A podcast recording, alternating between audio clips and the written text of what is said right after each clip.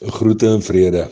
Nou welkom weer eens hier by die kuierplek op die vlak vir nog 'n Kalahari storie. My naam is Haie Kronje en ek in die mooiste mooi woon, werk en kerk hier aan die Kalahari kant van die land. En vanmiddag se storie se naam is My in plaas daarvan leefstyl. Maar voor ons by die storie uitkom. Efesiërs 4, dis nou die 23ste en 24ste versie As jy dit nou in die nuwe Afrikaanse 2020 vertaling lees, dan staan daar geskrywe: Julle moet eerder in die aard van julle denke vernuwe word. Ja, trek die nuwe mens as kleed aan wat in ware geregtigheid en heiligheid in ooreenstemming met God geskape is. So seker soos wat die warmste hemelige in die ooste opstaan en in die weste gaan slaapplek opsoek, So verseker dit dat die Kalahari mense goed se dink dinge en lewens geraak word deur voorwêreld tendense, gebeurtenisse en natuurlik hulle gedrag.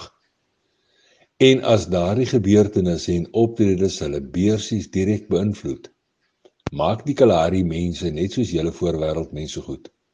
Hulle praat daaroor. Gedagtes sal hieroor uitgeruil word.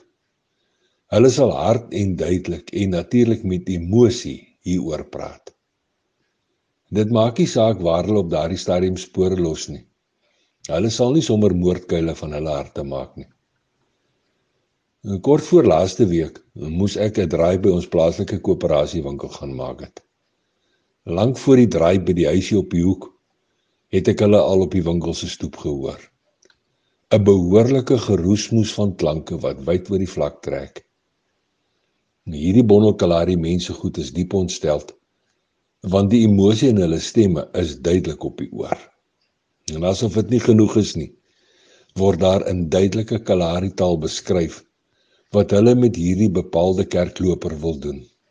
Hulle wil hierdie self aangestelde ouderling wat geen gesag vir God en sy gebod het nie. Hulle wil hom stenig. Vroeg die volgende oggend het ek kort voor sonop tot bo op ons 6 meter hoë watertank se platform geklim. Ja, ek het in die groen watertank gaan sit omrede ek so bietjie in totale stilte alleen wou wees. 'n Gister se stoepgesprek vol dreigemente. Dit draai oor en oor in my gemoed, aanhoudend toe tot vervelings toe. En daarom daarom wou ek nie wegkom. Uit radeloosheid wou ek my lot daardie oggend bo op ons 6 meter hoë watertank se platform by Vader bekla. Terwyl my oë 'n goddelike skildery bestaande uit 'n goudkleurige vers te sien met 'n handjie vol pink en rooi wolkies indrink, herinner die Heilige Gees my daaraan dat hierdie barbaarse gedragspatroon nie uniek is nie. Om ander met klippe te gooi, is mos blou jare deel van menslike gedrag. Selfs Jesus as God se kerkkind was dan per geleentheid al die teken daarvan. Johannes beduie onomwonde dat Joodse kerkleiers dramaties van Jesus verskil het. Gevolglik hulle wou hom net daar en dan stenig omrede hierdie barbaarse handeling die enigste manier is waarop rampokkers ontslaak kan raak van innerlike frustrasies. Ver in die verte verklaar ek Kalari hoenderhaan dat die warmste hemelig sy kop uitgesteek het. Net soos Petrus van Oudtslat sak ek my kop in skaamte want ek en moontlik ook jy is skuldig.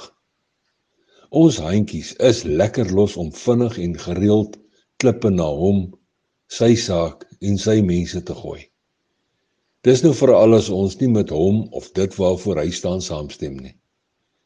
En miskien gebruik ons nie regte klippe wanneer ons stenig nie. Maar ons gebruik woorde. Ons kritiseer en kraak af en verklein neer en skinder. En dan praat ons ander aan wat anders aanbid. Hulle praat verkeerd. Hulle doop verkeerd. Hulle doen verkeerd. Net soos die skynheilige Joodse leiers stenig ek en jy ander. En dan is ons heel verontwaardig, heel verbaas en diep ontstel as hy sy saak en sy kinders uit ons teenwoordigheid pad gee. Leef eerder volgens my in plaas daarvan leefstyl. 'n Leefstyl wat sal voorkom dat jy nie ander met jou woorde stenig nie. Fluister die Heilige Gees en verduidelik verder. Dit is 'n leefstyl wat behels dat gelowiges eerder hulle onvoorwaardelike vergifnis en redding uitleef in plaas daarvan dat hulle hul leliewit lewens oor die vlak uitpasyn. 'n Leefstyl waarin gelowiges erken dat hulle my nodig het om hulle gemors skoon te maak in plaas daarvan om breë bors en bakarm rond te loop oor al hulle suksesse. En daarmee saam moet gelowiges eerder getuig van my oorvloedige onverdiende genade wat hulle ontvang het in plaas daarvan om met 'n heilige leefstyl te spog. Gelowiges moet ook weet dat ek as skepper van hemelgoed en stofaarde mensegoed as waardevol en kosbaar beskou in plaas daarvan dat hulle glo dat hulle perfek is. En laastens moet gelowiges onomwonde verklaar dat hulle swak is en dat hulle my krag nodig het om te doen wat ek van hulle vra in plaas daarvan om voor te gee dat hulle so stewig soos ankerpale staan. Nou ja toe. Tot 'n volgende keer. Los mooi spore en sandkorrel by seëninge.